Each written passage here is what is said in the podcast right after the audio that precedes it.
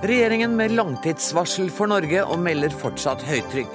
Men perspektivmeldingen møter kraftig politisk motvind. Forsvaret økte terrorberedskapen.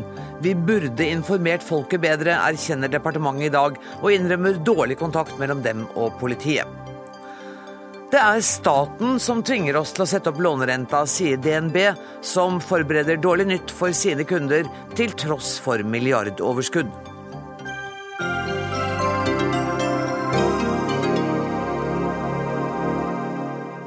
Dette er fredagsutgaven av Dagsnytt 18, der vi også skal høre at Oslo-politiet har vunnet pris for beste Twitter-melding. Men aller først. Om 20 år må folk belage seg på å jobbe lengre, og oljefondet vil ikke bidra like mye til å dekke offentlige utgifter. De største truslene mot velferdsstaten er store skatteletter og uansvarlig pengebruk, mener regjeringen som i dag la fram sin perspektivmelding. Velkommen til Dagsnytt 18, statsminister Jens Stoltenberg.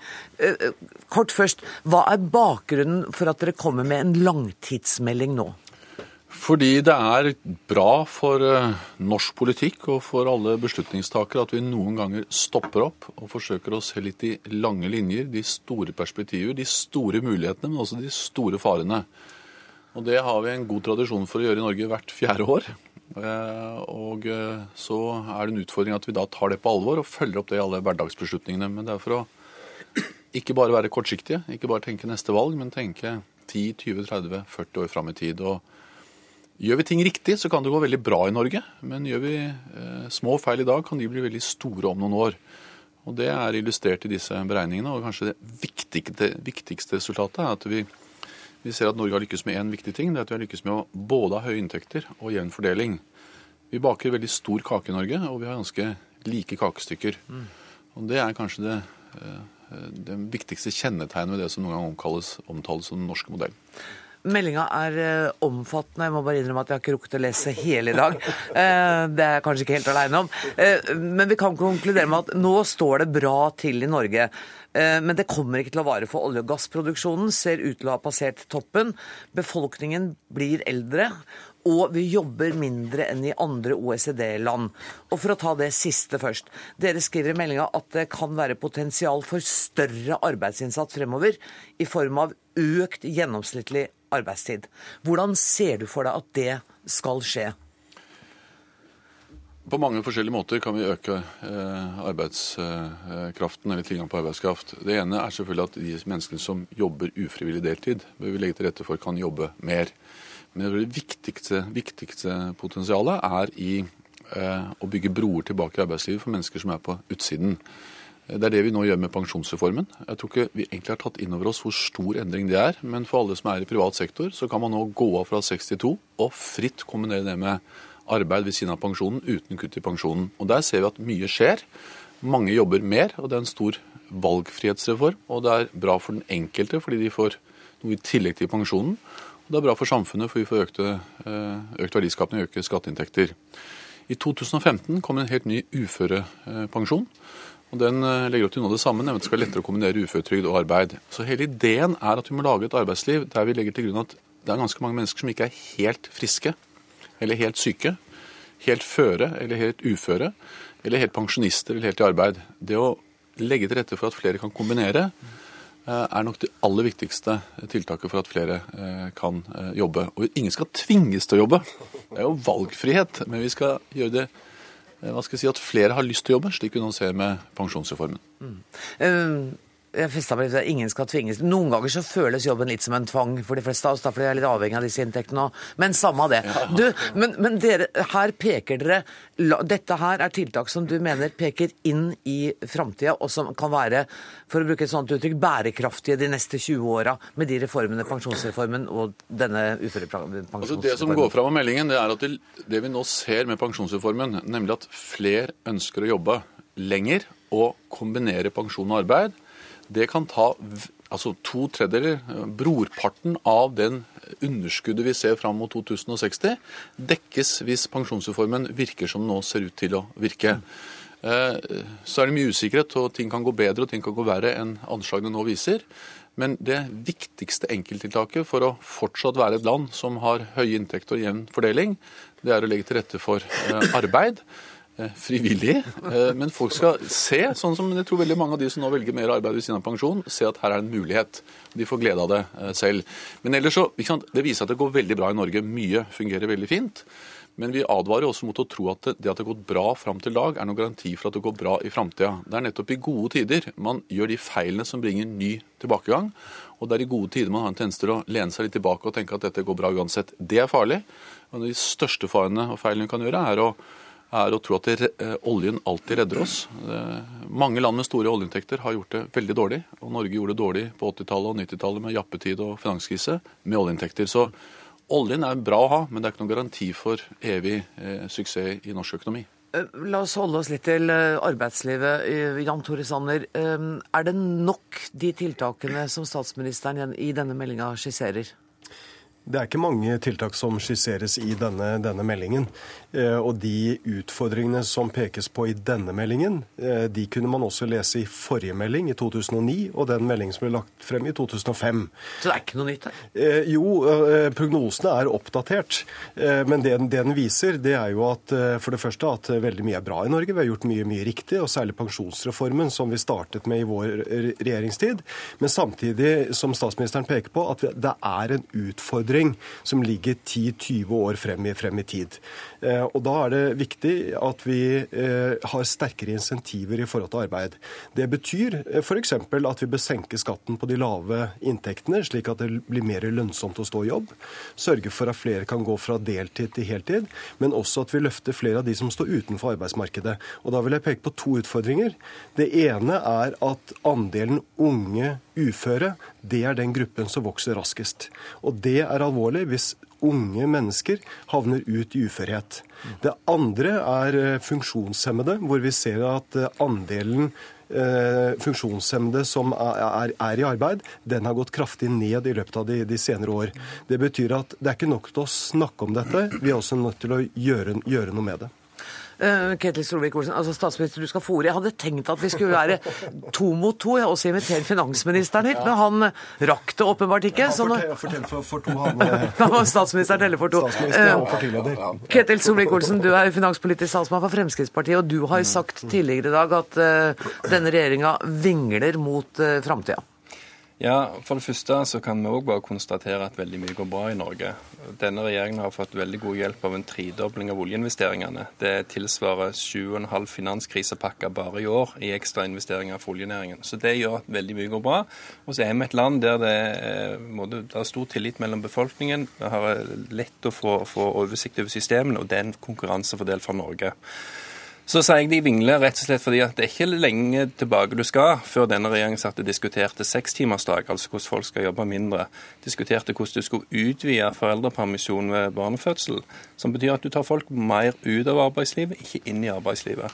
Så plutselig kommer du nå med perspektivmeldingen, og da plutselig må vi få folk til å jobbe mer. Når Fremskrittspartiet i vårt alternative statsbudsjett sa la oss redusere skatter og avgift litt på inntekt, for det vil stimulere folk med lave og middels inntekter til å jobbe mer, så var det et eh, poeng som de ikke ville diskutere. Sånn at De peker på en del problemstillinger som jeg mener er høyst reelle. Men de skisserer veldig få løsninger, og det er problemstillingen. Der de var flinke i 2009, syns jeg, i perspektivmeldingen, det var å skissere f.eks. potensialet for å effektivisere offentlig sektor. Fordi at det er ikke sånn at du enten må øke skattene eller tvinge folk til å jobbe mer, eller stimulere dem til å jobbe mer. Men du kan òg gjøre noe med måten vi bruker pengene på i offentlig sektor. Eh, og I 2009 så hadde en en klare tabeller med effektiviseringspotensial og hva mål en da har å strekke seg til. Det kapittelet i denne meldingen er nesten utradert. Det er ingen tabeller, det er ingen visjoner for dette. Akademikerne la i fjor fram en rapport som sa at du kan spare rundt 30 milliarder kroner på å effektivisere offentlige innkjøp. Ikke redusere velferdstilbudet, kvaliteten, men bare sørge for at du bruker konkurransen i markedet bedre for bedre folk i offentlig sektor når de kjøper inn disse tjenestene. Og Det er de visjonene jeg savner litt mer av. Det er ikke noe nytt at Arbeiderpartiet er opptatt av arbeid. Så den fremstillingen at liksom det er noe nytt at vi nå er opptatt av å uh, sørge at for mange kommer i jobb, det er, kjenner jeg meg ikke igjen av. Jeg sa ikke det nytt, jeg sa bare det henger ikke sammen med det dere har sagt for bare kort altså, tid siden. Vi har nå sittet i regjeringen snart åtte år, uh, og vi har tidenes vekst i sysselsetting. Aldri har flere mennesker vært i jobb enn i Norge i dag. og det har kommet veldig mange nye arbeidsplasser, både i privat og offentlig sektor. Arbeidsløsheten er den laveste i Europa. Eh, men jeg tror det som vi må forstå som er noe av suksessen i Norge, og som vi tar vare på, det er at det at vi har et inkluderende arbeidsliv, det er også det som gjør det mulig for flere å være i jobb. Det paradoksale er at vi har ganske mange mennesker på trygd, samtidig som vi har rekord i mennesker i arbeid. Og eh, det henger i det sammen med at vi har ganske få mennesker som forsørges altså av familie. Kvinnene er i jobb i Norge. Eh, det bidrar til høy sysselsetting, men det også et bidrag til at vi f.eks. har høyt sykefravær. Eh, og jeg mener at det er bedre at vi har vi si, høy sysselsetting og kanskje lever med litt høyere sykefravær, enn at vi har de menneskene helt ute av arbeidslivet, og de ikke er på sykelønnsstatistikken, men heller ikke eh, i arbeid. Så en del av de velferdsordningene vi har, de, de, er kostbare, men de gjør det også mulig for flere mennesker å være i jobb. Og jeg er ikke tilhenger av sekstimersdag, aldri vært det. Eh, og denne regjeringen har heller aldri lekt med den tanken. Jo, det, er. ja, altså for å si sånn, det var en diskusjon, men det ble avviklet Jo, men, nei, men nå må dere være rettferdige. Det, det, var, det var en diskusjon på Soria Moria, men det har aldri vært noen tvil om at vi har eh, hva skal vi si, ikke trodd på ideen om sekstimersdag. Det jeg tror på, det er, et, det er et arbeidsliv der folk kan velge mer selv. Og min hovedbudskap nå er at vi må legge til rette for at veldig mange mennesker ikke er 100% friske 100% av tiden, men mer kombinasjoner. Og det, er akkurat på det tror jeg Sanner har et veldig godt poeng. Ja, og det, det, var i grunnen det som var mitt, eh, mitt hovedpoeng også. At, eh, at, det er arbeidskraften som bærer velferden vår, og det er økt arbeidsinnsats eh, som gjør at vi kan finansiere mer, mer velferd. Eh, I Danmark så har de akkurat nå lagt frem en, eh, en rapport eh, fra Produktivitetskommisjonen, hvor man sammenlignet Sverige og Danmark, som viste at hvis Danmark hadde hatt like god vekst i sin produktivitet som Sverige i perioden 1996 og frem til i dag, så kunne de finansiert ni sykehus hvert år. De kunne alternativt gjort kollektivtransporten gratis, eller kunne tredoblet bistanden. Det viser hvor viktig arbeidskraften vår er. Og da må vi både gjøre det mer lønnsomt å jobbe og sørge for at vi får flere av de som står utenfor arbeidsmarkedet, inn i arbeidslivet. Men hvis jeg fikk lov til å trekke frem ett poeng til som er viktig i denne rapporten, og det er eh, at Norge blir stadig mer sårbare for svingninger i oljeprisen. Eh, da Stoltenberg og jeg satt sammen i olje- og energikomiteen, så var oljeprisen nede på under 10 dollar fatet.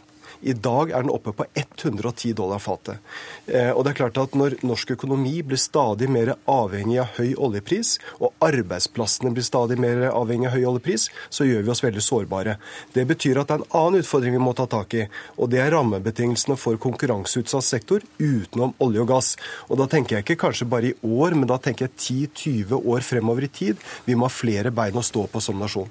Og Der, der er jeg helt enig. så Jeg håper jo at en ny regjering vil gjøre sånn at det går an å f.eks. bruke gass mer aktivt i norsk industri. Den klimaavtalen dere har med denne regjeringen, gjør jo at du kan ikke bygge tilsvarende aluminiumsverk i Norge som denne regjeringen har bidratt til at Norge bygger i Qatar. Det høres ut som du tror det kommer en ny regjering relativt fort. Ja, men det er jo ikke så lenge til valg relativt sett. Jeg skulle bare være men, morsom. Ja, men det, det, skal ikke drive med det. Ja. Men poenget, Hvis Stoltenberg hadde vært litt mer til stede i Stortinget, så hadde han visst at sekstimersdagsdebatten hadde vært veldig aktiv der. Så skal jeg legge den død på vegne altså fra regjeringspartiene. Det som jeg syns blir skjult i den retorikken som statsministeren har om hvor mange som er i jobb, det er at vi har en økt sysselsettingsgrad i Norge, ja. Fordi at oljeindustrien altså har tredobla sine investeringer, tilsvarer 7,5 finanskrisepakke bare i år.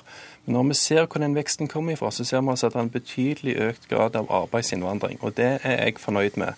Men det vi samtidig ser, det er at andelen nordmenn som jobber, den går ned. Så når han sier at andelen uføre totalt i norsk økonomi er uendra, så er det fordi at vi har altså en vekst som gjør at du får flere utlendinger i arbeid, men de, de, som har bodd i dette landet, både nordmenn og innvandrere, de forsvinner litt fortere ut av arbeidslivet igjen. Så vi skjuler en økt uføretrygding av våre egne. Og det er en kjempeproblemstilling. Og det er en konsekvens av at du har ført en politikk i 28 år som har vært feilslått på den måten. Fordi altså har, Denne regjeringen har surfa godt på de oljeinntektene som man nå advarer mot ikke vil være evig og som må altså uføretrygda gå egne i den prosessen, og det er uheldig. Og så Det siste som, som, statsministeren brukte mye tid på på presentasjonen, det gir inntrykk av at hvis vi bare har handlingsregelen i bånn, så går dette bra. Men handlingsregelen den regulerer staten sine inntekter og innfasingen i statsbudsjettet. Det som er en mye større problemstilling, det er jo svingningene som vi kan oppleve i oljeinvesteringene. For den regulerer ikke handlingsregelen. Og når du går fra å ha investert 70 milliarder kroner for ti år siden til 210 milliarder i år, og med de eh, svingningene som er i oljepris, så kan det fort hende at investeringene går ned 50-60, gjerne 100 milliarder igjen i løpet av et par år. Hvis vi tror at det er pga. at vi bare er så flinke at det går godt i Norge, så er vi ikke forberedt til den nedgangen som kan komme pga. eksterne faktorer som redusert oljepris. Vi tar det med, det med uføretrygdede og den tilsløringen av at det er eh, det dere har gjort når det gjelder at det er flere med ikke-norsk bakgrunn som er i arbeidslivet, og at flere nordmenn går ut av det? Altså for det første så har sysselsettingen økt både pga. økt arbeidsinnvandring og fordi sysselsettingen blant de som allerede bodde i Norge, øker. Og, og vi har høyere sysselsettingsandel nå enn vi hadde i 2005. Og vi, har, og vi har over 300 000 nye sysselsatte i Norge. Men, Men også er det bra at vi har hatt arbeidsinnvandring, eh, fordi uten det hadde vi ikke kunnet ha bl.a. så mye veibygging, så mye investeringer i infrastruktur og mange andre viktige ting vi driver driver med i Norge. Så et par andre ting. Altså Oljeinvesteringene. Det er ikke mange år siden vi ble kritisert av opposisjonen for at vi ikke la til rette for oljenæringen. Det har vi gjort. Det er høye investeringer. Og nå sier man liksom det var noe som kommer av seg selv. Punkt én. Punkt to, punkt to er eh, offentlig sektor. Ja, selvsagt skal vi fornye den. Det gjør vi i stort monn. Vi gjennomfører ganske store omstillinger i helsevesenet. De er omstridte, men de gir oss mer igjen for pengene vi investerer i norske sykehus. Vi er gjennom et stort program for digitalisering av offentlig eh, virksomhet. Vi er blant de landene som har kommet lengst i det. Men så kommer det viktigste. Det er helt riktig at Norge er sårbare i forhold til oljeinntekter. Det viktigste vernet mot det er jo å sørge for at vi etablerer et skille mellom opptjening og bruk av oljepenger. Og Nøkkelen til det er handlingsregelen og pensjonsfondet. I Norge går alle oljeinntektene inn på pensjonsfondet, og vi bruker egentlig null oljekroner. Det vi bruker er renteinntektene, avkastning av pensjonsfondet. Det er den tryggheten vi har mot svingende oljeinntekter. Den tryggheten er de to partiene ikke enige om. Det er en stor usikkerhet om framtidig økonomisk politikk at de ikke greier å bli enige om totalbruken av penger. Så skal vi gjerne diskutere også sammensetningen av pengebruken, men totalbruken er også viktig. Men, men dette, dette, skal vi klare oss, klare oss å løse. Vi, vi, er enige om jo, jo da, vi er enige om Statens pensjonsfond utland, eh, men den problemstillingen problemstilling som statsministeren ikke tar tak i, det er hvordan oljepengene brukes. For det er også stor betydning for vekstevnen til norsk økonomi. Vi ønsker å investere mer i kunnskap, forskning, infrastruktur og gode rammebetingelser. Og så bare helt til slutt. Er, eh, statsministeren snakker mye om, om arbeid. Men tiltakene for å få flere fra trygd til arbeid er veldig få. Og det ligger en enorm gevinst i hver enkelt person som går fra trygd til arbeid. For det første betyr det mye for den enkelte å være i arbeid, om ikke heltid, så kanskje deltid. Og dernest er det også slik at trygdeutgiftene går ned, og skatteinntektene går opp. Så hvis vi virkelig skal sørge for bærekraftig velferd, så må du ha en mye mer aktiv politikk for å få folk fra trygd til arbeid, sørge for at flere funksjonshemmede kan jobbe, sørge for at færre unge mennesker går ut i uføretrygd. Statsministeren, ja, statsministeren, prøver å snakke seg vekk fra poenget med at færre nordmenn er i arbeid, flere arbeidsinnvandrere er i arbeid. Det er en del av statistikken som SSB kommer med. Fra 2008 så har denne utviklingen gått i feil vei. Fram til 2008 så gikk den riktig vei. Det andre poenget er denne regjeringen bruker vanvittig mye oljepenger utenfor handlingsregelen. Det går mye penger inn på norsk sokkel, inn i statlige selskap som ikke telles av handlingsregelen. Og Det å late da som at denne regjeringen har en potte-tett-regel, mens opposisjonen er fullstendig i kaos, det er fullstendig meningsløst. Vi ønsker å endre systemet kun på ett område primært, og det er at vei og jernbane òg ses på som en investering på linje med kraftselskap og oljeindustri. Denne meldinga ser fram mot 2050. Eh, det er lite tvilsomt at noen av oss eh, kommer til å se hva som blir den endelige sannheten. Men dere skal ha hjertelig takk for at dere kom. Jens Stoltenberg, Jan Tore Sanner og Ketil Solvik-Olsen.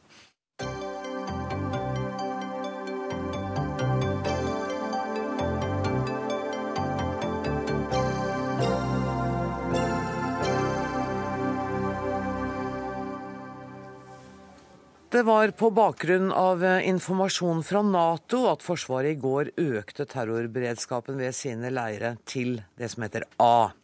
Hvorfor terrorberedskapen ble oppgradert, var det ingen som ville si noe om. Og etter det vi kunne lese i avisene, fikk politiet heller ikke rede på hvorfor denne terrorberedskapen ble skjerpet. I dag erkjenner forsvarsministeren at eh, det ble gjort en for dårlig jobb. Statssekretær i Forsvarsdepartementet Eirik Øvre Thorshaug, hva var det som gikk galt? Jeg tror først og fremst at vi i ettertid må se at uh, informasjonen til befolkninga når man velger å endre beredskapsnivået for Forsvarets anlegg, nok kunne ha vært håndtert på en mye bedre måte. Ja, hvordan ble den håndtert? Ble den håndtert i det hele tatt? Ja, altså Forsvaret kan jo på selvstendig grunnlag sette trusselnivå for sine installasjoner basert på et føre-var-prinsipp og ut fra Forsvarets egenvurdering.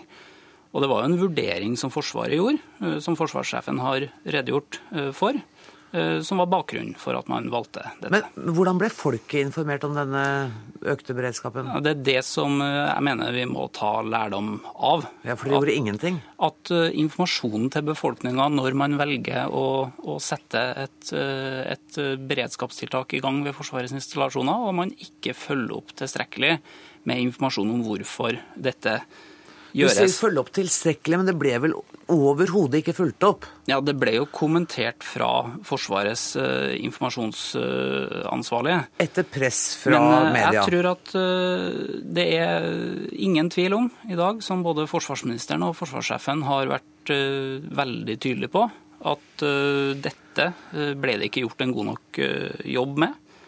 Det er det bare å, å, å lære av, tror jeg. Og det er det viktige som, som, forsvarsministeren og forsvarssjefen har vært veldig tydelige på i dag, at her bør man helt åpenbart bli bedre på å informere befolkninga. Svaret om at eh, det skal vi lære av, har vi hørt i veldig lang tid. Og 22. juli-kommisjonen konkluderte med at kommunikasjon og informasjon var et av hovedproblemene. Um, ingenting av det har dere til nå tatt inn over dere? Jeg mener at uh, man må ta lærdom av en sånn hendelse som denne, som alle andre hendelser man står oppi. Og jeg tror at uh, Er det noe denne hendelsen viser oss, så er det jo viktigheten av noe av det som 22. juli-kommisjonen understreker. Viktigheten av øvelser.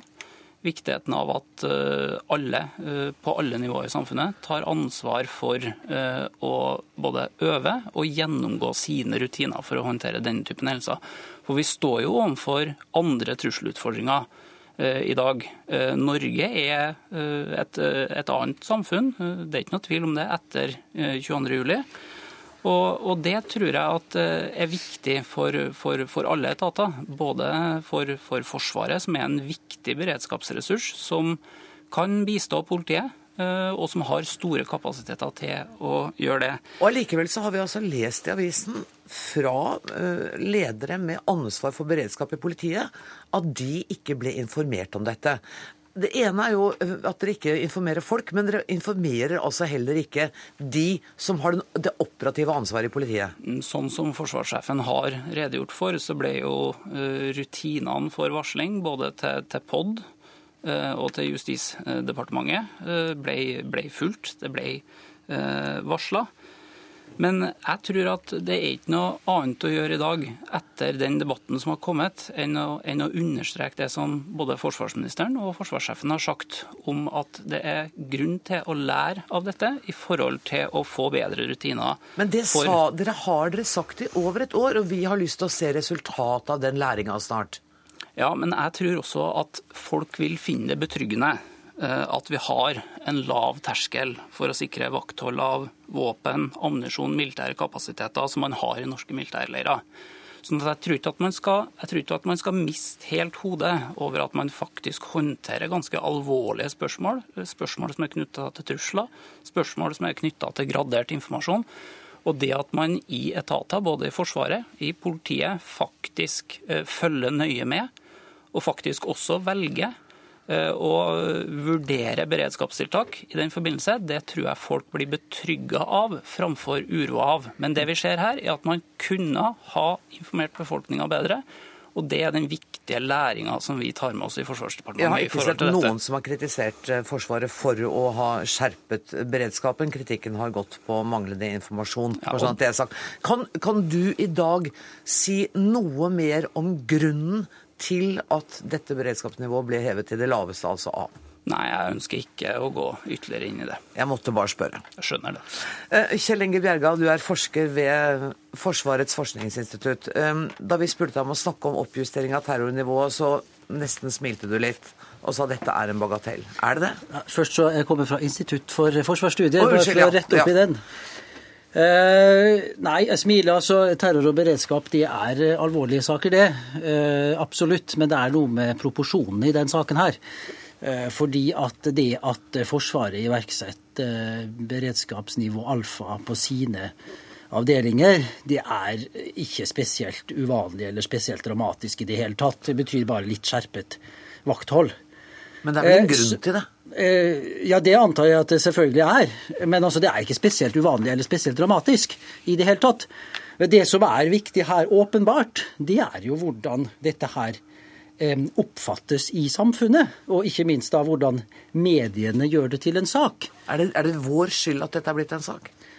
I stor grad så er det jo dere som har tatt det opp. Men det, det er veldig viktig her at, å, å få frem at eh, det har vært store endringer i, eh, i synet på dette med beredskap. Fordi at eh, man husker på at under den kalde krigen, eller altså for 20 år siden, så var jo dette her beredskapsnivået som de nå eh, har innført, det, var, det hadde man jo hele tiden. Det var jo helt vanlig. Eh, og da var befolkningen, Forsvaret og alle var vant til denne høye beredskapen. Og så har vi nå hatt en periode hvor beredskapen har vært senket. Altså egenbeskyttelsen rundt de militære avdelingene osv. har jo åpenbart vært senket eh, gjennom flere år. Eh, men så har vi hatt en sånn revitalisering de senere år rundt dette med eh, fokus på nasjonal beredskap, eh, utfordringer her hjemme osv. Og da, kommer, da ser vi at beredskapen blir mer aktualisert igjen, og at man blir mer opptatt av dette her igjen. Men- så det er et sånt, litt sånn større bilde her, at befolkningen har hatt en lengre periode hvor de ikke har vært så veldig vant til dette her. Eh, og så kan man komme tilbake til nå hvor, hvor det blir mer vanlig igjen, f.eks. Altså det er ikke, ja. Men kritikken har jo uh, mot Forsvaret og mot uh, Forsvarsdepartementets ledelse har jo vært måten de har taklet det på. Mener du at den kritikken er grunnløs også? Jeg, uh jeg vil ikke gå inn og kommentere akkurat på, på, på hvordan forsvarsledelsen har håndtert den konkrete saken her. Eh, Men vi skal huske på et annet forhold her som er, er veldig viktig, og det er at det har vært en stor utvikling når det gjelder forsvarets, eller det militære forsvarets plass i samfunnet. For der det tidligere var veldig klare skiller mellom en militærsfære og en sivilsfære, og der hvor det militære forsvar kunne holde på med sine greier innenfor sin sfære, slik er det ikke lenger. Det militære og det sivile er mye tettere vevd inn i hverandre. Og da blir det også mye større oppmerksomhet rundt det som foregår innenfor den militære sfæren ute i samfunnet. Og det er den herre sivilmilitære skal vi si, sammensmeltningen, sammenvevningen, som også dette her vi ser i dag er et resultat av. Forsvaret kan ikke lenger, Det militære forsvaret kan ikke lenger holde på innenfor sin sfære, helt eh, isolert. Harald Stangele, politisk redaktør i Aftenposten. Er dette en bagatell som vi i mediene har brukt for mye tid og krefter på? da? Nei, jeg syns ikke det. Og det er én veldig stor forskjell på den, de ulike beredskapshevningene vi hadde under den kalde krigen, og den vi så i går, og som fremdeles holder på i dag. Og det er at under den kalde krigen så dreide det seg om beredskap mot en ytre fiende. Eh, nå dreier det seg om en beredskap mot en terrorfare som krysser grensene mellom det sivile og det militære. Og For meg blir det veldig underlig å si at vi, må, vi skal være glad for at en sikrer eh, våpen og ammunisjon innad i en militærleir. Det skulle bare mangle. Men hvis noen ønsker å angripe en militærleir for å få tak i denne ammunisjonen, få tak i disse våpnene, ja, så må de eh, krysse vårt sivile territorium. Og dermed så er det viktig både mediemessig, men også i samspillet mellom politi og forsvar. Er det nok med den beklagelsen som er kommet fra forsvarsministeren i dag? Den har vært veldig klar på ett punkt, og det har vært at den skulle vært eh, klarere i offentligheten. Eh, Sanninga er jo som det går fram at det ble ikke gjort noe i offentligheten før dette var ei offentlig sak. Og det er litt underlig å tro at en kan sette i gang beredskapstiltak eh, i eh, hele det militære Norge eh, uten at det gir gjenklang i samfunnet utafor. Det som har vært mindre framme i dag, det er jo at helt tydelig så har Forsvaret og politiet enten snakka forbi hverandre, snakka ulikt språk, eller sendt på én frekvens og mottatt på en annen. Og det er det som er det oppsiktsvekkende når vi nå har diskutert beredskap sammenhengende siden Gjørv-kommisjonen kom i august. Og det, det, virker jo som om det er nøyaktig den samme type problemstillinger som er aktuelle i dag, som det var da terroren rammet oss i 2011. Ja, Problemstillinga er i hvert fall så klar at stabssjef Johan Fredriksen i Oslo politidistrikt, som er den som måtte gjort jobben hvis det var alvor, eh, han eh, visste absolutt ingenting om grunnen for dette. Og han uttalte i går, før han sannsynligvis fikk litt munnkøv, at det var merkelig at han ikke var informert. Hvor feilen ligger der, det har vi ikke fått greie på ennå. fordi at hvis det er riktig som forsvarssjefen sier, at Politidirektoratet var informert. Og det gjentok jo statssekretæren her også. Og da er det Politidirektoratet som ikke har funnet noen grunn til å informere nedover i systemet. Og da har de en betydelig jobb å gjøre, og med tanke på alt det de har gått igjennom, så uh, er det siste de har bruk for nå, er en ny sjølransaking, og der de har tatt feil igjen. Hvis det er det de har gjort. Vi har invitert eh, politidirektøren til studio, men han hadde ikke anledning til å komme. Jeg må dessverre sette strek der. Tusen takk for at eh, dere kom i studio. Kjell Inge Bjerga, forsker, og Harald Stanghelle, politisk redaktør i Aftenposten. Hør Dagsnytt 18 når du vil, på nettradio eller som podkast. nrk.no – dagsnytt 18.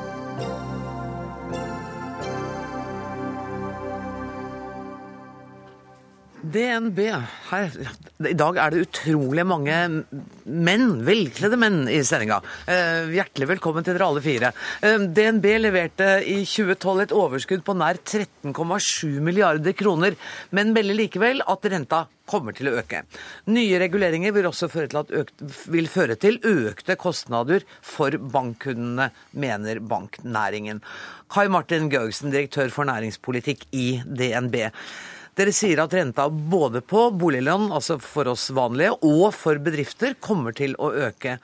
Er det virkelig sant at det er de ventede reguleringene som fører til dette?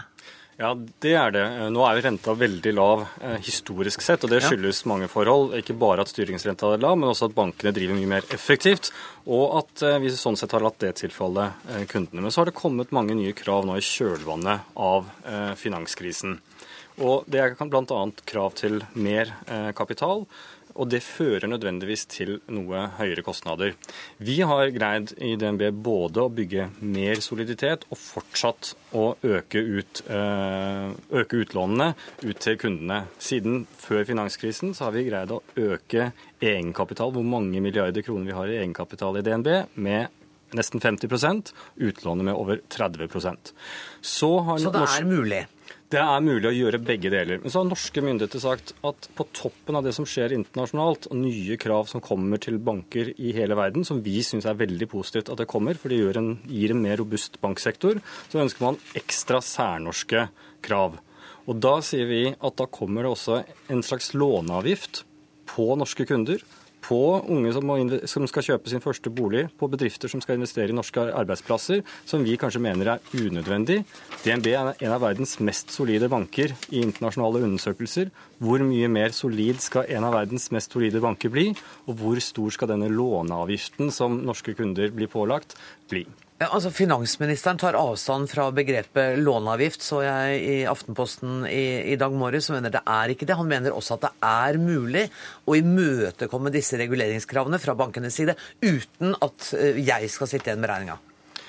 altså Låneavgift er selvfølgelig et begrep nettopp for at vi skal få illustrert konsekvensen av nye krav. For ingen kan løpe fra det at man ønsker nye krav, og, og da ta avstand fra, fra konsekvensen av det. Vi har sagt at dette er et spleiselag. Det er bankene, Bankenes kunder vil merke det i form av noe høyere renter på utlån.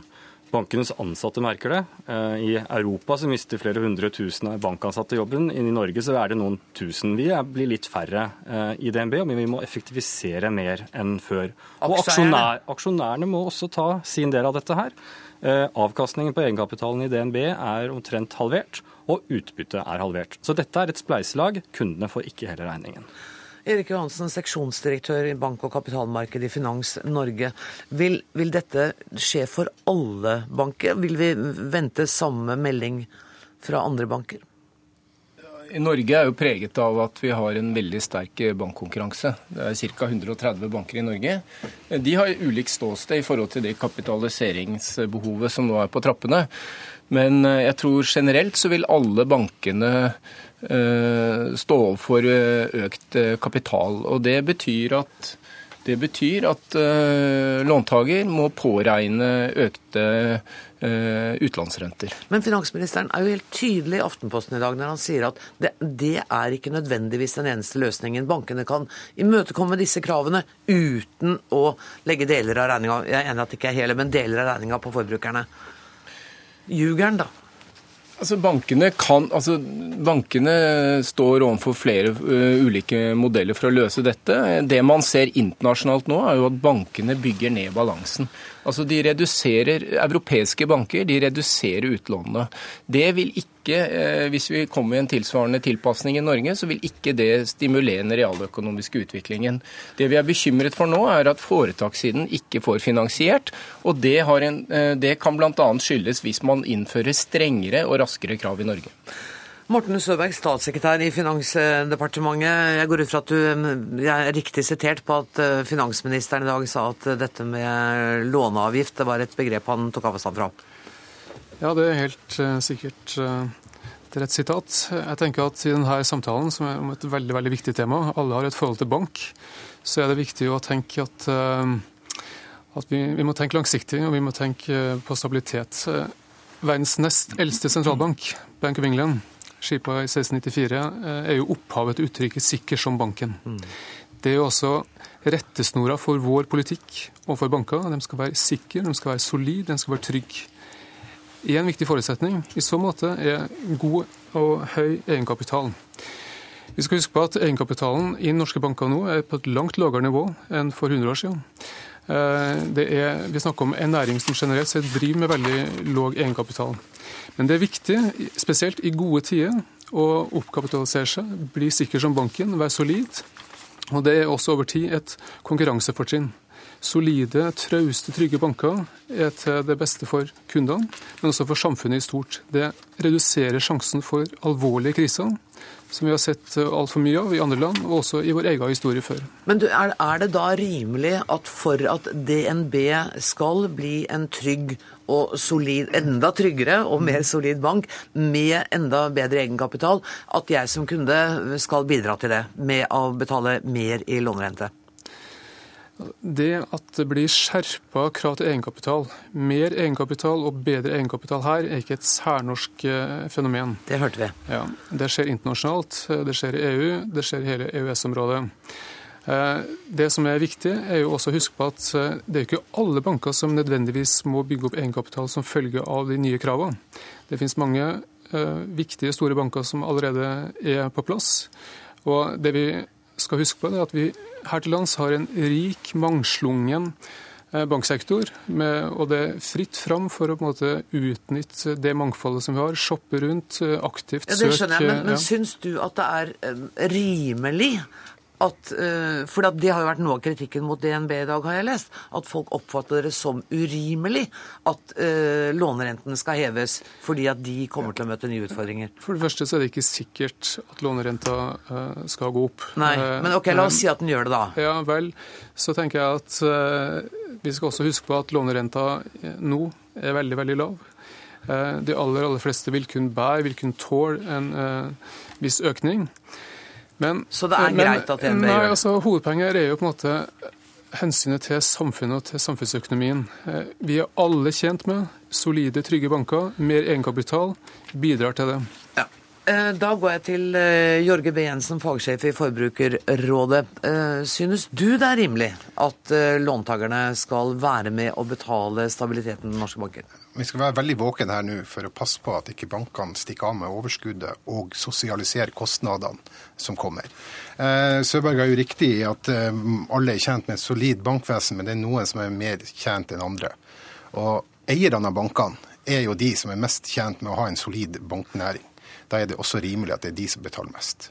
Og så får jeg bare legge til, Norske bankkunder eh, bidrar jo ikke med særlig risiko eh, når de tar opp lån til boligen til en bank. Det er nesten ikke noe tap. Det er snakk om noen få promiller. Og de to bankene som allerede har varsla at de satt, kommer til å sette opp renta, har jo veldig marginale tap på, på boliglån. Så det kommer til å være veldig mange forbrukere der ute som syns det er høyst urettferdig at de gjør jobben, de betaler lånene, de ingen mislighold, og så kommer det da en sånn at det er de som skal ta støyten, og så skal på en måte eh, eierne slippe fri. Og der er det viktig at flere miljøer følger med, også forbrukere følger med. Når kommer en bank som skal sette opp renta, så skal du se etter de bankene som ikke gjør det. Og Da bruker vi forbrukermakta vår, og så får myndighetene bruke sin makt som de har til oss. Jeg syns at Jorge Jensen har veldig to, to gode eh, poenger her. og Det ene er nettopp at norske boliglån er ikke spesielt risikable. Men da må, da må Morten Søberg fra Finansdepartementet nytt, lytte nøye. For da har man nå sagt at man ønsker å tredoble kapitalkravet som DNB skal ha bak hver boliglånskrone som vi eh, låner ut. Og Det syns vi er litt pussig, for da blir, eh, da, blir, de kravene som stilles, ikke i samsvar med den reelle risikoen. Men, men forklar meg, hva, hva vil det bety eh, for DNB? At man tredobler eh, kapitalkravet? Vi, eh, her, man, her, kan vi ikke regne helt, eh, helt, eksakt, men jeg vil tro at her snakker vi om kanskje et halvt prosentpoeng. og Det kommer bare på toppen av de andre kravene som, som, kommer. Så alt i alt så koster disse nye kravene oss, eller koster kundene, kanskje opp mot ett prosentpoeng totalt sett på, på, et lån. Men det andre poenget som Jorge Jensen har, og som jeg har veldig stor sympati for, og det er at konkurranse i det norske bankmarkedet er veldig viktig. og Det er veldig bra at kundene er eh, kritiske forbrukere og stiller krav til bankene sine. Men for at konkurransen skal være så effektiv som mulig, så må vi ha mest mulig like regler mellom de aktørene som er i det norske markedet. Og det som vi nå ser, det er jo at norske myndigheter stiller ekstra strenge krav til norske banker men svenske banker har litt mindre strenge krav. og Det gjør rett og slett at da er ikke konkurransen jevn. og Det er da vi sier at da må man ta en debatt om ikke disse særnorske kravene som legges på norske banker, gir en ulempe for norske forbrukere i form av en slik låneavgift. Johansen, du skal få ordet, men jeg må bare uh, få statssekretæren til å oppklare dette med svenske banker som er i det norske markedet. Hvorfor skal de ha bedre eh, forhold enn de norske bankene? Det er to dimensjoner her. Eh, for det første så er vi opptatt av at det skal bli likere konkurransevilkår mellom store og små banker. Mm. I tillegg så er vi selvsagt opptatt av det romerske prinsipp, i Rom gjør som romerne, at det skal være like forhold for svenske og andre utenlandske filialer her som de norske. Det her har vi et såkalt stort fokus på. Vi jobber med det, vi jobber for det. Og Det er svært viktig å, å formelt at sant, hele meninga med, med, politikken nå det er jo å implementere internasjonalt regelverk få på plass trygge, gode, forutsigbare rammevilkår. Mm. Og selvsagt etterseve mest mulig konkurranse, eller like konkurransevilkår for alle norske banker og andre som opererer her til oss. Så Gauksen bør ikke være så bekymret? Dere tilstreber altså at det skal være like forhold. Ble du rolig nå, Gauksen? Ja, altså, hvis, hvis, det betyr at du kan garantere at svenske banker får de samme kravene som norske banker Nei. i det norske markedet Nå dro vi det litt lenger enn nå. Vi, vi, var liksom litt på god vei, men noen garantier tror jeg ikke du får. Altså, jeg skissert et fyrtårn eh, som peker ut ei trygg lei. Eh, og det, den leia vi styrer. Eh, Erik Hansen? Ja, Det er to temaer, dette her. Altså For det første så dreier det seg om den internasjonale kapitalkravsreformen. Alle banker både i Norge og internasjonalt skal bli mer solide. Det kommer til å også få utslag på utlånsrentene. Det tror jeg man er enige om internasjonalt, og det er det, er det gjort en rekke beregninger som, som, støtter opp under. Så er det diskusjonen om gjennomføringen av disse tiltakene i Norge. Eh, det man har foreslått fra Finansdepartementets side her hjemme, det er altså en ulik målemetode enn det som f.eks. svenskene har valgt å løse. Eh, det betyr ikke at norske banker er mindre solide enn svenske banker, men de, tvert imot, men de fremstår da mindre solide. Norske banker, altså Norge, I Norge så låner vi veldig mye i det internasjonale kapitalmarkedet. Det internasjonale kapitalmarkedet fungerer på den måten at de baserer seg på de offisielle soliditetstallene. De norske bankene fremstår med lavere soliditet enn de svenske, og må, dy må låne inn da dyrere. Det får Selv om det ikke er mindre solide? Nettopp, det er poenget. Og ja. da betyr det at de må ta igjen den økte innlånskostnaden i form av økte utlånsrenter. Det høres ut som det er forferdelig urettferdig for de norske bankene, men de har jo ikke så dårlig. Det er ikke norske banker som det er urettferdig for. Altså, Ja, jeg det hørtes jo sånn ut nå. Nei, men altså, jeg er opptatt av at det er urettferdig for, for kundene til syvende og sist. Fordi at, sant, altså, Hvis vi spoler nå tilbake 10-15 år i tid og hører på noen Dagsnytt 18-debatter fra den gangen, så, så, var det en debatt, så var det debatter da om filiallandet Norge. Sant? Da var man redd for at, at norske, altså norske politikere og bedrifter var redde for at norske banker skulle bli styrt fra Sverige og, og Danmark. Så har man sagt at norsk, det er viktig med en sterk og lønnsom, solid norsk banknæring. Og Da er det litt dumt hvis disse nye kravene som nå kommer til alle banker internasjonalt, hvis vi skal legge særnorske krav på toppen, som gjør at vi svekker den norske banknæringen, og samtidig da svekker konkurransen, som er veldig bra for kundene. Jeg har lyst til at Jorge Jørge Hensen skal få lov å avslutte her. Ja. Fordi at den generelle oppfordringa til folk som kanskje ikke er så inne i uh, kapitalnivåene i bankene, det vil jo være at hvis du er misfornøyd med banken din, så bytter du bank. Ja, og det vi kom, kan komme til å se, det er at de bankene som har drevet forsiktig og er, er solid og har en god nok kapitaldekning, de kommer nå til å bli mer konkurransedyktige enn de som har lånt ut mer enn hva de har rygg til å bære. For sånn er det jo med de internasjonale reglene. Eh, De som har lånt ut mest kasinopenger ut i markedet, de må betale mer inn for å dekke opp. Det var så langt som vi kom eh, i bankdiskusjonen i dag. Takk til eh, Kai Martin Georgsen, direktør for næringspolitikk i DNB, til Erik Johansen, seksjonsdirektør i bank- og kapitalmarked i Finans Norge, til Jørge B. Jensen, fagsjef i Forbrukerrådet, og til Morten Søberg, statssekretær i Finansdepartementet.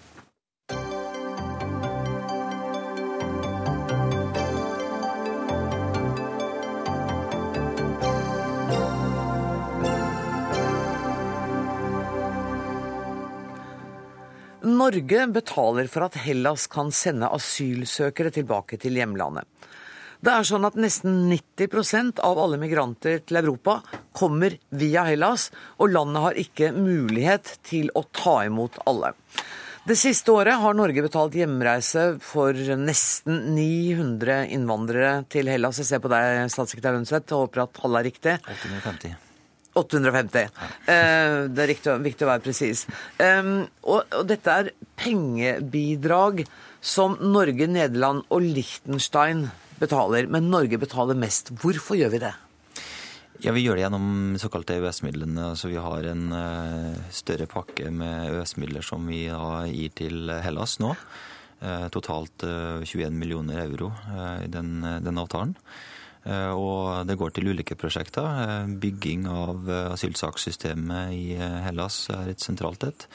Men også, også dette tiltaket, altså en støtte til den internasjonale organisasjonen for migrasjon, IOM, som da har hatt dette prosjektet og klart å returnere nesten 1000 eh, mennesker som er strandet i bunn og grunn i Hellas, ønsker seg hjem.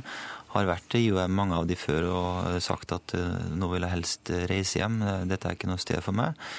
Eh, og jeg syns da det er et veldig godt tiltak. å kunne hjelpe til med, med det, istedenfor at de er i en vanskelig situasjon, i, gjerne i Aten. Men men gjør det vel litt av eh, egne hensyn også? Nei, dette er ikke først og fremst egne hensyn. Dette er fordi vi ønsker jo, og det er helt nødvendig, at vi bidrar inn i Hellas for å prøve å bedre eh, systemene, asylsakssystemene i Hellas. Der, der, der er gjelder det også selvfølgelig å bidra til retur av de som ikke har eh, eh, som ikke ønsker å være der lenger. Altså de, skal, de ønsker selv å reise hjem. Og det er en veldig vanskelig situasjon i Hellas for disse menneskene. Mange av de utsettes for overgrep fra fra sivilbefolkning som er på den ytre høyre side. Eh, Og ønsker seg veldig tilbake til opprinnelseslandet sitt. Og da syns jeg det er veldig fint å kunne hjelpe til med det. Anne Margrethe Aumsnold, generalsekretær i Norsk organisasjon for asylsøkere, NOAS. Når du hører eh, statssekretæren i Justisdepartementet forklare og begrunne, så er det kanskje ikke så grunn til å være så opphisset fra deres side? Jo, det er det jo. Altså, fordi at det han ikke sier, det er jo at en del av disse her er asylsøkere som enten ikke har fått registrert sin søknad i det hele tatt, eller har gitt opp å få den behandlet. Det er eh, minst eh, en restanse på 50 000 asylsaker. Greske myndigheter registrerer bare 20 saker hver lørdag. Og i fjor, 2012, så kom det altså 37 000 nye asylsøkere til Hellas. Bare de som er registrert i Frontex, dette europeiske grensesystemet. Så problemet er jo at mange gir opp fordi de ikke blir behandlet slik de skal. Og jeg syns det er litt eh, rart. Fordi når jeg vanligvis diskuterer med Pål Lønseth, så er han veldig opptatt av at eh, vi skal beskytte asylinstituttet. Men her er det nettopp det vi ikke gjør. Vi beskytter ikke asylinstituttet dersom norske penger er med på å returnere folk som ikke har fått registrert eller behandlet saken sin. Det er jo et problem, Lønseth. Jeg så et tall på ca. 140 ja. som er tilbakeført med norske penger, som ikke har fått behandlet sin asylsøknad. Ja, altså, det er ingen tvil om, og det er vi helt enig i, det er ingen tvil om at det er store utfordringer eh, på migrasjonssiden i Hellas, og på asylsakssystemet. Det er også derfor vi gir så eh, mye penger til å hjelpe Hellas med det. Eh, det er jo bare en liten del av dette som går til dette IOM-prosjektet vi nå snakker om. Det aller meste her går til å bedre asylsakssystemene. Nettopp for å kunne gjøre Hellas i stand til, på sikt, fortsatt en lang vei å gå, men på sikt i stand til å håndtere asylsøknader på en, en skikkelig måte. Men de, vi kan ikke i mellomtiden la disse menneskene bare være og være og være, når de selv ønsker å reise hjem. 23 av disse tilfellene er altså trafficking-ofre som vi har hjulpet tilbake til opprinnelseslandet. Og jeg syns det er underlig at, eh, at NOAS inntar den holdningen at når de selv ønsker å returnere, og selv tar initiativ til det gjennom eh, IOM, at vi da, ikke, at vi da blir kritisert for å hjelpe, det syns jeg faktisk er ganske underlig. Ja, Nå framstiller du det jo veldig skjevt. Hva er grunnen til at de gir opp? At de har sittet i internering i umenneskelige forhold, i celler uten dagslys, og selv ikke der fått lov å registrere søknaden sin, slik som situasjonen er for en del i Hellas. Altså Situasjonen er så ekstrem uh, at det Norge burde gjøre, var jo å gjøre mye mer. Jeg mener ikke det er galt å returnere Eh, migranter som har kommet dit med urimelige forestillinger og som ikke har noen reell grunn til å søke beskyttelse. Men når det er snakk om folk, det er også syriske flyktninger f.eks., som eh, interneres med små barn og ikke har muligheten for å fremme en søknad om beskyttelse. Og da vil det jo være helt vilt om Norge bidrar med penger uten å stille noen motspørsmål til IOM. Hva er grunnen til at disse menneskene vil tilbake? Er det noen av dem som aldri har fått fremmet en asylsøknad? Hva med å ta et ytterligere Eh, initiativ og, og hente noen hit, f.eks. Eller ta noen initiativ for å få en bedre byrdefordeling i Europa. Når mer enn tre av fire asylsøkere som kommer til Europa, kommer gjennom Hellas, så kan ikke resten av Europa forvente at det landet i den situasjonen det er i, skal klare å håndtere det, når de allerede er på knærne. Men, men kan det være noe galt med førstelandsregelen? Altså det at alle skal få behandlet sin søknad i det første landet de kommer til. Er det det som nå rammer Hellas så hardt? Det er jo sånn at eh, det er riktig at den regelen er, eh, den, den regelen er eh, gjeldende. Men vi praktiserer jo faktisk ikke den for, de, for Hellas sin del, i den forstand at de som kommer nå til de andre landene i Europa, herunder Norge, men som vi vet har vært i Hellas først, skulle ha strengt tatt vært returnert til Hellas gjennom Dublin-forordningen. Den bruker vi ikke. Nettopp. Eh, men det måtte det en dom i Den europeiske menneskerettighetsdomstolen til før vi sluttet med. Ja, Men vi bruker ikke den. Eh, og jeg tror heller ikke det er noen andre europeiske land som returnerer etter Dublin til, eh, til Hellas. Og det er jo fordi situasjonen i Hellas er som den er. Men jeg tror det er veldig farlig hvis vi skulle gå inn på en ordning hvor hvert enkelt land som har problemer, enten fordi de mottar mange, fordi det er økonomiske problemer generelt, eller begge deler, at de kan bare lene seg tilbake og si at dette kan ikke være vårt problem lenger. Eh, dere får reise nordover, eller eh, hvor hen dere skal dra. Eh, da tillater vi at hvert enkelt land frasier seg sitt ansvar for å vurdere eh, asylsøknader. Eh, da, da, forlater vi utgangspunktet til flyktningkonvensjonen. Det det, det er mye bedre at vi gjør som vi bl.a. gjør nå, eh, fra Norges side, og bidrar massivt, vil jeg si, inn i eh, den greske planen for å reformere sitt asylsakssystem. Mm. Helt kort, Ausna. Ja, men det er så enormt langt igjen, og problemet er jo at det er ingen regjering i Europa i dag som vil stå ansvarlig for at det er kommet flere asylsøkere til deres land. Og det er jo det som hindrer mange i å reelt gjøre noe, når situasjonen er at tre av fire mer enn det av asylsøkere som kommer til Europa, kommer til Hellas. Og da, da kan man ikke bare si at det ene eller det andre landet kan gjøre sånn. Problemet er Hellas og situasjonen der, og da må man gjøre noe mer med det for å faktisk sikre asylinstituttet asylinstituttet. Og Med den oppfordringen setter vi strek. Tusen takk til Ann Margrethe Austenå og til Pål Lønseth.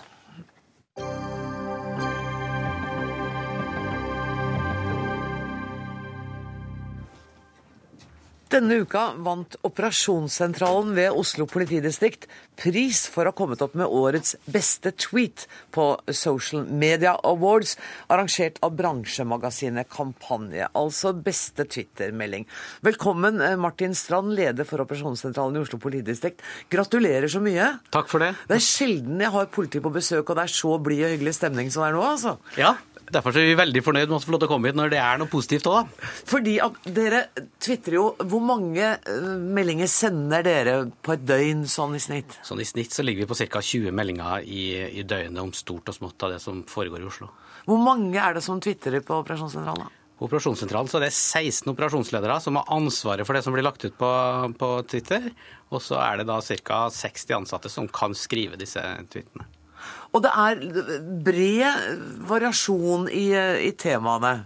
Ja da, altså Det som er viktig for oss, er å få med litt av det store og det små, det var liksom grunnlaget for at vi starta med dette. At vi skulle fortelle litt om de mindre tinga også, som ikke kommer fram i, i media etter vi gikk på Nødnett. Ja, For dette er mye om uh, det som er av allmenn interesse, altså veier som er stengt pga. trafikkuhell. Men så er det noe morsomt, da. Her står det Storo. Vi fikk melding om pågående husbråk med kvinneskrik. Da vi kom fram, fant vi et sykepleiervorspill. Vi forlater stedet snart. Ja, og den der har jo skapt masse fantasier til folk, da, så den har jo blitt retvitra atskillige ganger. Er dere over streken for hva politiet kan tvitre her? På den der føler jeg ikke at vi er det. Men altså, det er klart at uh, det er noen få av meldingene våre som vi har et sånn humoristisk uh, preg på, og vi evaluerer dette veldig godt. Vi må greie oss å holde oss innafor de normene og etikken som vi må ta vare på her. Uh, vi føler at vi har greid det stort sett. Vi har hatt noen som vi mener at vi i hvert fall har vært på kanten av det vi kan godta. Men stort sett så greier vi dette rimelig bra, syns vi. Får dere mye kjeft?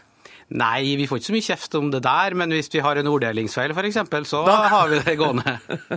Eller hvis man bruker begrepet 'i forhold til feil', det skal vi heller ikke gjøre. Neida. Hva var grunnen til at dere valgte å gå på Twitter? Grunnlaget vårt var at vi skulle effektivisere vår kontakt med media. Fordi at dette har gått via pressemeldinger og vært litt sånn tungt når ting skjedde, og vi skulle prøve oss å være litt raskere ut. Eh, og Da fant vi ut at det var lurt hvis media måtte søke opp informasjonen sjøl, istedenfor at vi sendte ut disse pressemeldingene. Så har vi sett at dette det flere enn bare media som har interesse av, så eh, da har det spredd seg godt. Jeg så, eh, sjekka det i dag, dere har over 80 000 følgere. Ja, er ikke det fantastisk? Så mange journalister finnes det ikke i Oslo. Nei. Og det er helt fantastisk. Hvis vi får en krisesituasjon, så er, treffer vi publikum ganske raskt. Vi treffer alle radiostasjoner, så vi får det ut veldig raskt. Og dette er en enveiskommunikasjon. Dere svarer ikke på Twitter-meldinger? Nei, det gjør vi ikke. Dette med nødnettet. Ja. Er det sånn at Twitter nå på en måte er nesten like viktig som nødnettet, som ikke funker? Nei, nødnett funker. Altså, altså, det er nok eh, kommet litt sånn negative greier, men vi greier å bruke det, og det fungerer for det, det bruket vi har. Enkelte områder har vi litt problemer, men sånn stort sett så fungerer dette bra. Men eh, det som er, er, viktig for oss, er at når nødnett kom, så var det ingen som greide å følge med hva politiet gjør lenger. Så da ble det bare de store hendelsene som ble beskrevet. Derfor fant vi ut at det var greit å, å få ut litt av de mindre tinga. Det var ingen journalister på de store åstedene lenger, vet du. Nei, så journalistene har ikke anledning til å lytte på politiradioen lenger? Nei, den ble borte, gitt. Hvordan har, jeg går ut fra at dette er klarert oppover i systemet, at dere tvitrer. Hvordan har responsen vært fra dine sjefer? Ja, Det er veldig positivt, men det er klart dette er en ny ting. For oss som ikke er oppvokst med sosiale medier, så er det noe å venne seg til. Så, så innad i etaten også er det litt sånn at dette må vi nok eh, venne oss til. Vi har de yngste som jobber hos meg, de er nok de mest ivrige på dette. Tvitrer du mye? Nei, jeg tvitrer nesten ikke. Jeg har en konto å følge med, da. Du, Kampanje, som, det, som, ga dere den prisen, er et nettsted som i hovedsak omtaler reklamefolk og yrkesgrupper som uh, er mer opptatt av uh, sivile, lekre moteklær enn uh, enn å gå i uniformer. Åssen var det? Du, Det var veldig, veldig hyggelig. Og det som må sies rundt dette, at det var mange andre også, seriøse aktører som Nav og Kreftforeninga, som fikk sine priser her. Så det var veldig hyggelig. Men det var altså dere som eh, vant. Jeg kan vel regne med at etter dette så blir det ikke mindre tvitring fra operasjonssentralen i Oslo? Nei, men vi skal lov, vi skal ikke være noe underholdningskanal. Vi kommer med noe morsomme innimellom, men det er ikke underholdning som er det store målet vårt. Som om det er et løfte. Tusen takk, eh, Martin Strand, leder for operasjonssentralen i Oslo politidistrikt. Dermed er Dagsnytt 18 slutt for i dag. Ansvarlig var Dag Dørum. Det tekniske ansvaret har Lisbeth Sellreit, og jeg heter Anne Grosvold. Takk for nå, ha en god helg.